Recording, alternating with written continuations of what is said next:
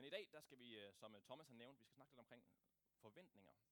Og øh, vi skal kigge øh, på, hvad Jesus han siger omkring det her. Så vi skal se på jer, der har, til jer, der har bibler med, kan vi slå op i Lukas evangeliet kapitel 12. Lukas evangeliet kapitel 12. Og der er den tekst, vi skal læse for i dag. Det er vers 32 til 48. Lukas evangeliet kapitel 12, 32 til 48.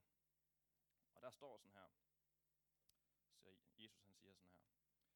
Frygt ikke, du lille jord, for jeres fader har besluttet at give jer riget. Sælg jeres ejendele og giv almisse. Skaff jer punge, som ikke slides op. En uudtømmelig skat i himlene, hvor ingen tyv kommer, og intet møl ødelægger. For hvor jeres skat er, der vil også jeres hjerte være.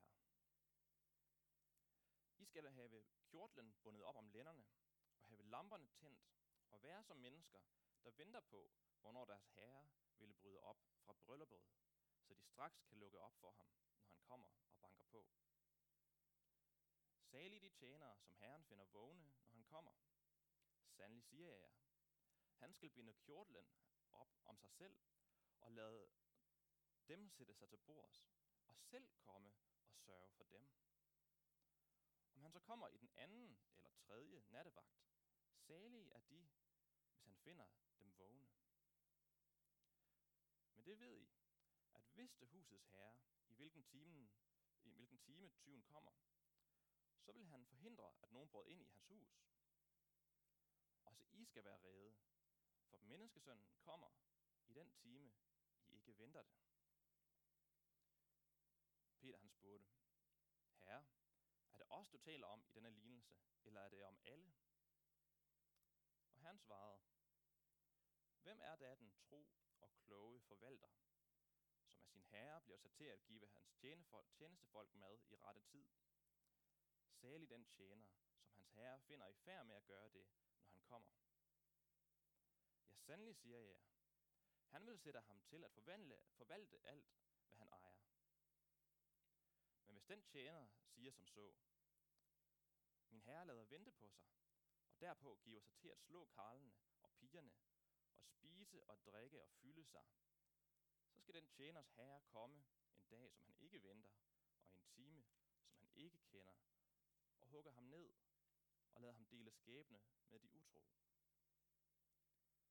Den tjener, som kender sin herres vilje, men ikke har forberedt eller gjort noget efter hans vilje, han skal have mange pryl.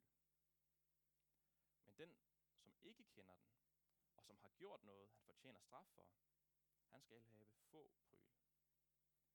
En hver, som har fået meget, skal der kræves meget af. Og den, der har fået meget betroet, skal der forlanges så meget mere af.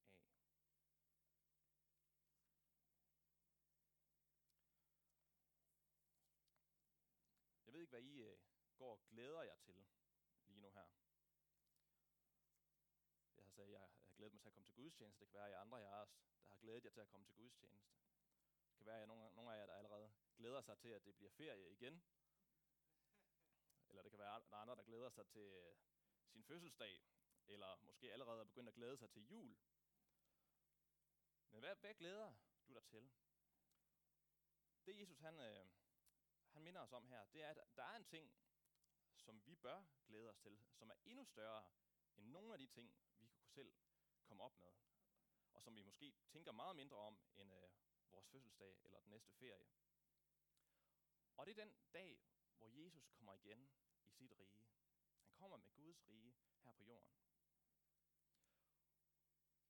Og i den forventning, som vi har, altså den glæde, når vi glæder os til et eller andet, så påvirker det også den måde, som vi lever på i dag. Og øh, jeg tror, grunden til, at, at nogle gange, at vi øh, glemmer, eller måske overser at glæde os til den her dag, hvor Jesus kommer igen, er, at det er lidt, måske lidt svært for os at forestille os, eller leve os ind i, hvordan bliver det den dag, hvor Jesus han kommer i sit rige. Men det løfte, som Jesus han starter med at give os i den her tekst, er der i vers 32, der siger han, frygt, taler han til sine disciple, han taler til os og siger, frygt ikke, du lille jord, for jeres fader har besluttet at give jer riget. Det løfte, som han ønsker, som, at vi skal holde fast i og glæde os over. Og, og det her løfte kan forvandle den måde, vi lever på i dag. Og jeg ved ikke med jer, men nogle gange, når jeg hører det her ord, Guds rige, så virker det sådan lidt, lidt svært at gribe fat i. Øhm, fordi vi, vi, vi ved godt, hvad et, det danske kongerige er. Vi ved godt, hvad måske romeriet er for en størrelse. Men, men Guds rige, hvad er det for en størrelse? Men når, Gud, når Jesus han taler, for Jesus han taler faktisk meget omkring Guds rige, og det han taler om, det er den dag, hvor han selv, hvor kongen kommer, hvor Gud han selv kommer på jorden øh, med sit nærvær og gør alting godt igen. Den dag, hvor han kommer til at forny alting, hvor alt, som er ødelagt og dårligt og ondskab i den her verden, bliver forvandlet. Hvor alting bliver godt. Og det er ikke bare sådan en eller anden abstrakt, nu bliver verden god derude et sted. Det er Guds eget nærvær, som gør det her.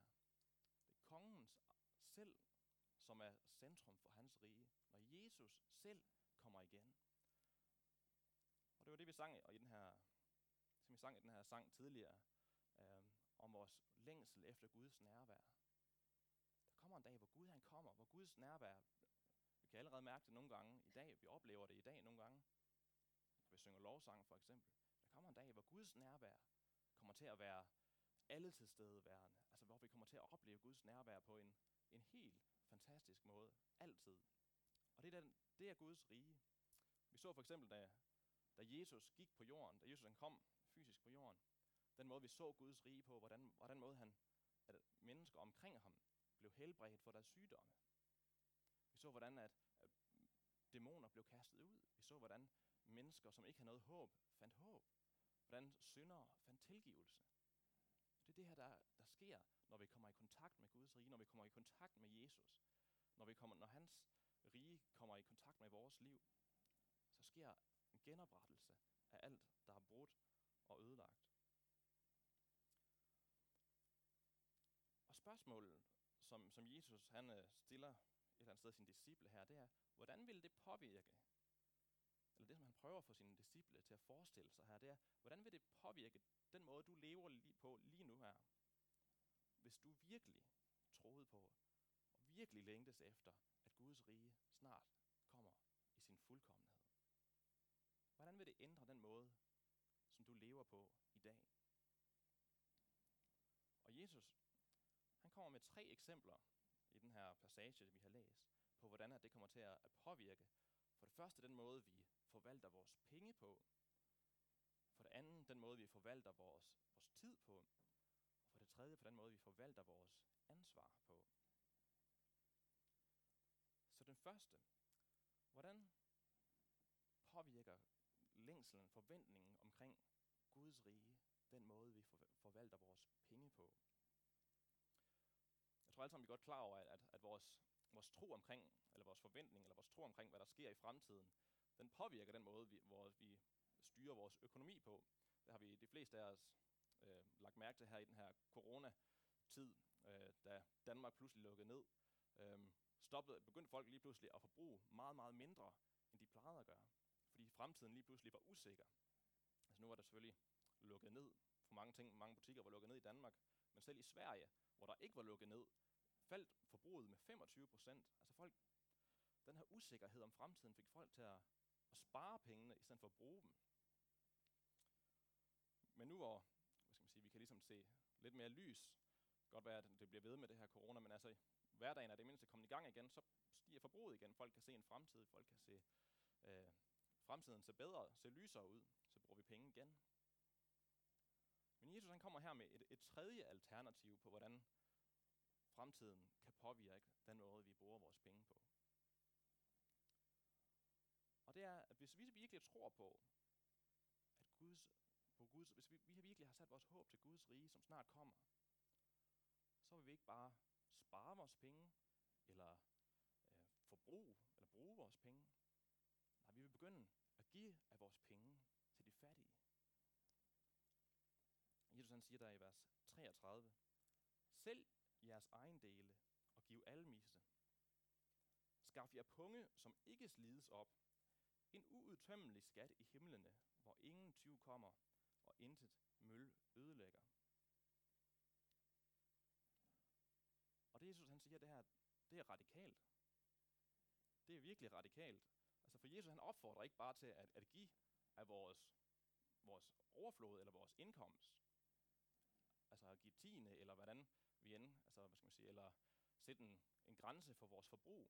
Jesus han opfordrer os faktisk til at, at sænke vores levestandard. Han siger, sælg jeres egen dele. Der er et eller andet ved den her forventning og håb omkring Guds rige, som gør, at, at dem, som virkelig har taget det her til hjerte, ikke bare vil, vil give deres overflod, men rent faktisk vil sænke deres levestandard, øhm, sælge ud af, af deres egen del, hvad enten det er ejendom, eller møbler, eller bøger, eller elektronik, altså begynde at sælge ud, fordi de længede så meget efter Guds rige.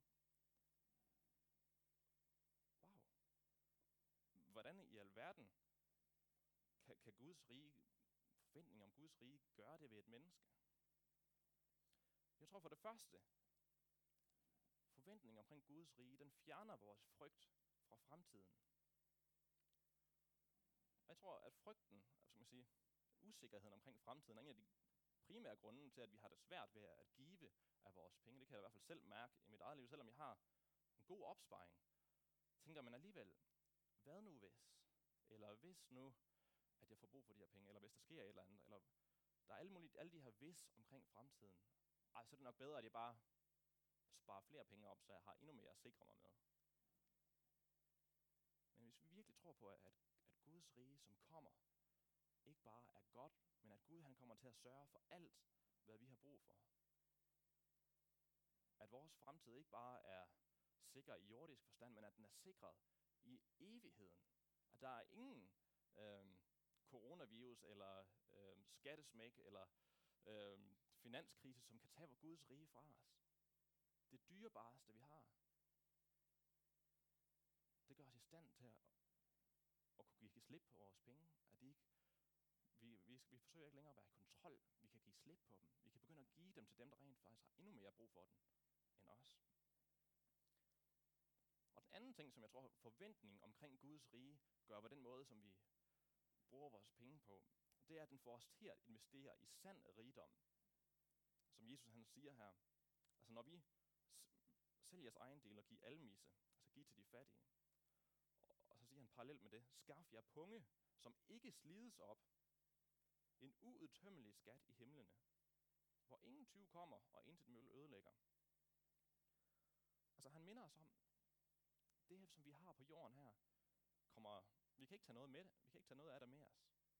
Alt det, vi har, ejer, det er midlertidigt.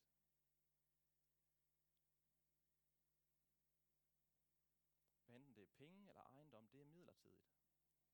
Og øh, vi, hvad enten det kommer til den dag, vi dør, eller den dag Jesus han kommer tilbage, hvad end der sker først, så er der ingen af de ting, som vi ejer nu, som vi kan tage med os.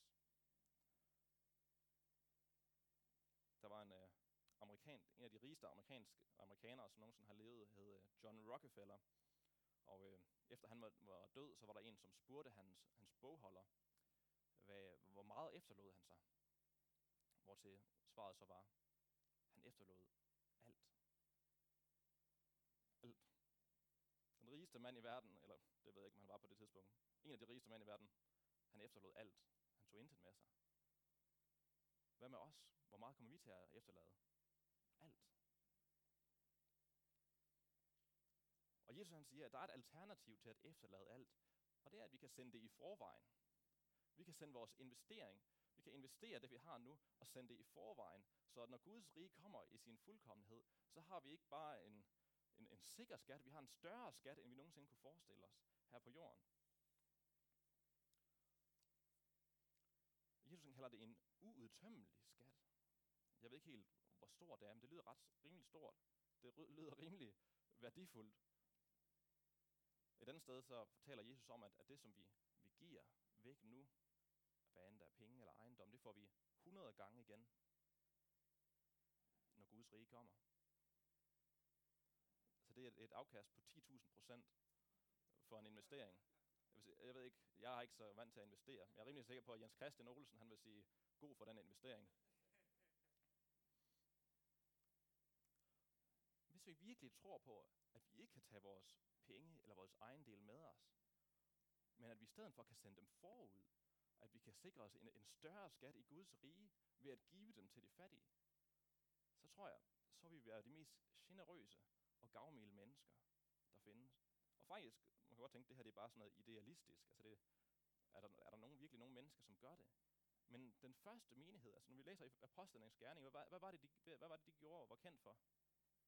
De solgte af deres ejendom. Dem, som havde ejendom, solgte af deres ejendom for at kunne give pengene fra den der ejendom til de fattige. Så i blandt dem var der ingen, i, der, i Jerusalem og i Israel på det tidspunkt, var, der, var det meget normalt, at der var fattige. Men blandt de kristne var der ingen, som led nød, fordi de kristne havde, invest- havde solgt deres ejendom og givet det til de fattige. Der var ingen, der led nød, led nød i blandt dem. De havde deres øjne festet på Guds rige. Der er en større skat, end at beholde pengene selv, og ejendommen selv. Så det er en af de ting, som, som Guds rige, forventningen, hvis vi virkelig tager den til os, og den får lov til at forme os, og så vil vi blive gavmilde og give til de fattige ud af det, vi har. Den anden ting, Jesus han nævner, øh, som Guds rige, forventning om Guds rige vil gøre ved os, det er, at det vil ændre den måde, vi forvalter vores tid på. Jeg ved ikke med jer, men altså, når jeg tænker fra mit, både fra studie og arbejde, så synes jeg altid, at der er altså, to forskellige måder at forholde sig til deadlines på. Altså der er nogle mennesker, som når de, når de får en deadline, begynder de at arbejde lige med det samme, og sørge for at uh, få arbejdet overstået, inden at de kan mærke, at deadlinen presser på. Og så er der andre, som når de hører en deadline, så venter de til det øjeblik, hvor deadlinen begynder at presse på, med at begynde på arbejdet. Og jeg, ved ikke, jeg har altid ønsket at være den første, men nogle gange jeg kommer ofte til at falde hen i den anden kategori af, af, til at forholde mig til deadlines. Den vigtigste deadline, som er i verdenshistorien, det er den dag, når Jesus han kommer igen. Det er den dag, hvor at Guds rige kommer i sin fuldkommenhed, og hvor den her tid, hvad skal man sige, på jorden, som den er nu, er slut. Og øh, uanset hvordan vi øh, kan lide at forholde os til deadlines, om vi er dem, der venter til sidste øjeblik, eller om vi er dem, der starter i god tid, så opfordrer Jesus til at være klar nu til, at han kommer igen. Han kommer med, med to små lignelser. Jesus han kommer med en, med en lignelse, der, hvor at der er nogle tjenere, som er klar til at åbne op for deres herre efter en bryllupsfest. Jesus han siger dem, at de her tjenere, altså han siger, at vi skal imitere de her tjenere, som havde gjort sig klar, som øh, de havde bundet øh, kjortlen op omkring sig. Altså de var, de var, dengang havde de mange lange kjortler på, som man ikke rigtig kunne løbe rundt i eller kunne løfte med. Så man, kunne man binde den op, så man var klar til, at øh, nu sker tingene. De havde bundet den op på forhånd. De havde tændt deres lamper, deres lamper var tændt, de var vågne, de lå ikke og sov, fordi de vidste, at deres herre kunne komme, hvornår det et øjeblik, hvert et øjeblik det skulle være. De var klar. Den anden han kommer med, det er en, en husejer, som ved, at der kommer til at blive indbrud på hans hus i løbet af natten. Og hvad vil en, en hver vis husejer gøre? Han vil selvfølgelig holde sig vågen og være klar til det øjeblik, tyven kommer, så han kan sende ham væk og sige, øh, gå ind til naboen i stedet for. Men Jesus pointe er, vær klar. Vær klar til Jesus kommer igen. Jesus kan komme igen hvert et øjeblik. Må være klar. Og hvordan lever vi et liv, som er klar til Jesus kommer igen? Jeg tror, at den måde, vi lever vores liv på, øh, en måde, som ja, klar til, at Jesus kommer igen, det er ved at leve vores liv, som om Jesus han vil komme igen i morgen. Hvis Jesus kommer igen i morgen, er der nogle ting, som du vil have været nødt til at lave om på i dit liv? Vil der være nogle ting, som du vil begynde at gøre nu, som du ellers ikke ville have, have gjort, hvis Jesus først kom tilbage øh, om 50 år? Jesus vil have os til at, at leve vores liv, som om, han, som om han kunne komme tilbage hvert et øjeblik. Og vores problem det er, at vi ofte har det med, at, at altså vi, vi, har, vi har en tanke om, at Jesus kommer nok først tilbage om lang tid, og øh, jeg skal nok selv først herfra, når øh, jeg rammer i hvert fald, i hvert fald ikke før de 80. Øh, så øh, for de fleste af os, der er lige et par år endnu. Så der kan vi godt, vi kan godt lige udskyde tingene lidt. Men der er mange ting, Jesus han har kalder os til at gøre lige nu. Og vi har det med at, at, at udsætte dem. Så det kan være at, at vise kærlighed til mennesker omkring os. Kalder Gud dig til at vise kærlighed til mennesker omkring dig? Er der nogle mennesker, er der nogle behov omkring dig, som du kan være med til at møde? Gud, han kalder, Jesus han kalder os til at være gæstfrie, leve gæstfrie liv. Der, det, er et, det er et område, hvor, hvor Gud selv har, har prikket til mig for nyligt, for jeg har det også med at tænke, jamen, når jeg, når jeg bliver ældre, når jeg får mit eget, altså jeg har, de sidste tre år har jeg boet, har jeg bare haft et værelse, jeg har ikke rigtig haft et sted at kunne invitere folk til, så jeg har tænkt, det gælder ikke for mig det her lige nu. Altså jeg kan, jeg kan, hvordan kan jeg være gæstfri, når jeg ikke kan invitere nogen ind?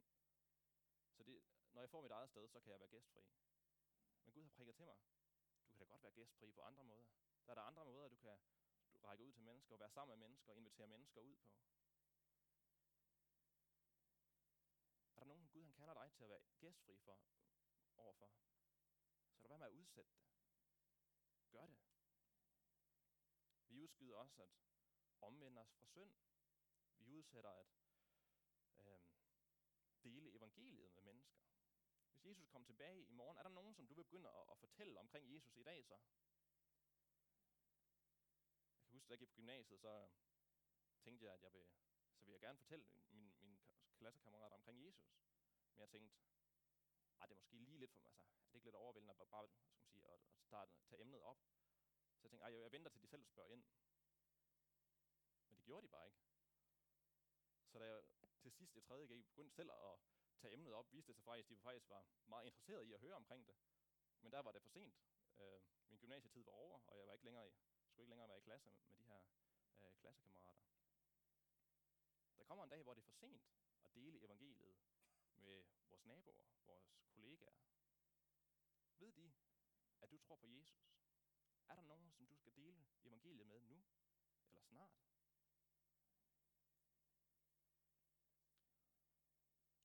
Og Jesus han siger, hvis vi er klar den dag, han kommer igen, hvis vi er åndeligt vågne, hvis vi lever for ham den dag, han kommer igen, så står der, så siger han i vers 37 i den her lignelse, at salige de tjenere, som Herren finder vågne, når han kommer. Så lykkelige de mennesker, som er klar den dag, Jesus han kommer. Og det, som kommer til at ske på den her dag, er noget, noget af det mest utrolige, mest øh, overraskende, som disciplene kunne have forestillet sig. Der står nemlig, at, at, at Herren selv, kongen selv, han kommer til at binde sin egen kjortel op, og han kommer til at betjene sine tjenere. Han kommer til at betjene sine disciple. Og vi ved, at det her, den her herre, den her, som, som Linsen her taler om, er ingen mindre end Jesus selv.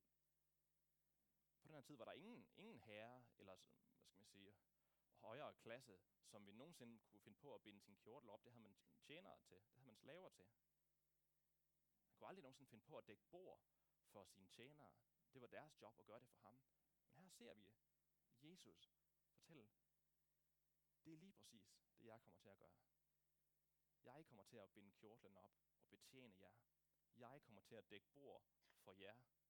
I er inviteret til min fest. Jeg vil beværdige jer. Tror nogle gange i vores liv, vi har det med at tænke hele tiden det her, eller tænke med, at det er os, der tjener Jesus. Det er os, der hjælper ham. Det er os, der, der udbreder hans rige. Det er vores. Det er os, der gør tingene. Det er os, der, der virkelig tjener ham. Men, men Jesus, han, jeg tror faktisk, Jesus han siger her, i sidste ende, det er faktisk aldrig nogensinde jer, der tjener mig. I sidste ende, der er det mig, der altid tjener jer. Og den dag, Jesus kommer igen og finder os klar, så vil vi opleve det på en måde, som vi aldrig nogensinde har gjort det før Guds rige, hvor Jesus betjener os i al evighed. Vores Herre betjener os for altid.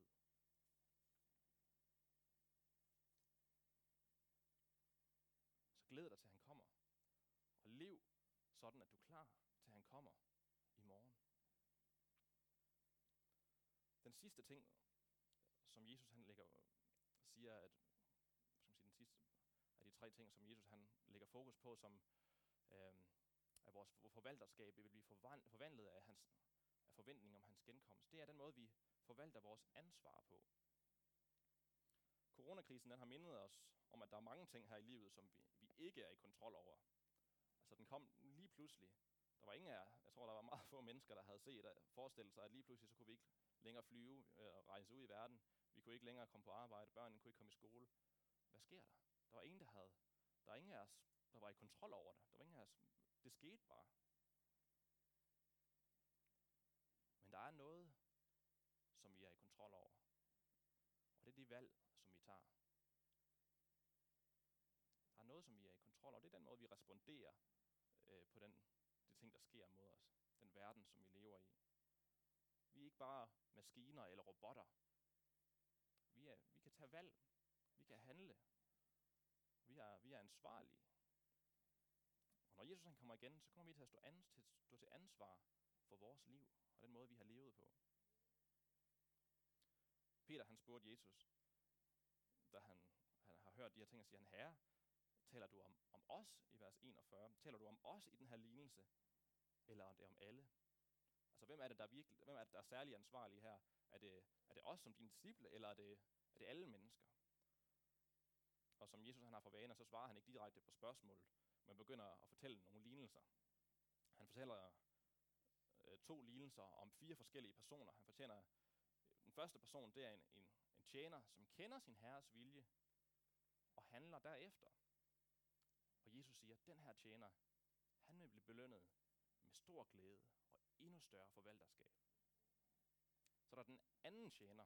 Han kender sin herres vilje, men gør det modsatte. Han begynder at mishandle dem, som han skulle tjene. Han begynder at, at tage de ting, som han burde give til dem, og bruge dem på sig selv i stedet for. Og Jesus han siger, at han vil få sin fortjente straf. Der er der en tredje person, som kender sin herres vilje, men ikke handler derefter. Jesus han siger, at han vil få en straf. Der er en, der kender sin herres vilje, og ikke handler der, nej, nej, ikke kender sin herres vilje, og heller ikke handler derefter. Han vil få en mindre straf. Og øh, man kan selvfølgelig snakke meget omkring, hvem er de forskellige personer, hvad, hvornår er man i hvilken kategori osv., men Jesu pointe er i hvert fald klar. Han ønsker, at vi skal efterligne den første. Den første tjener, som kender sin herres vilje, og som gør den, og derfor bliver belønnet med evig glæde og større forvalterskab. Det er det, Jesus han ønsker, at vi skal efterligne. Og Jesus han siger til slut i vers 48, han siger, en hver, fået meget, skal der kræves meget af, og den, der har fået meget betroet, skal der forlanges så meget mere af. Og det er Jesus svar på Peters spørgsmål. Altså, hans, Jesu budskab gælder alle mennesker. Men der er på en måde, hvor vi som hans disciple, som kristne, som efterfølger ham, er særligt ansvarlige. Nogle gange kan vi godt tænke, at jamen, hvis vi går, nu hvor vi går i kirke og læser vores bibel og læser andagsbog eller sådan noget, så er vi ligesom i plus på kontoen hos Gud, og så, øh, jamen, så har vi ligesom gjort, gjort vores del. Og ja, der er også en måde, hvor vi er på plus, så vi, vi kender mere til Guds vilje. Men det betyder også, at vi er mere.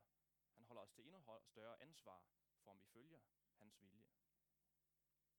Fordi at følge Jesus, det er en seriøs kaldelse. Jesus han kalder os til dagligt at vælge lydighed mod ham. Han kalder os til dagligt at omvende os for vores synd.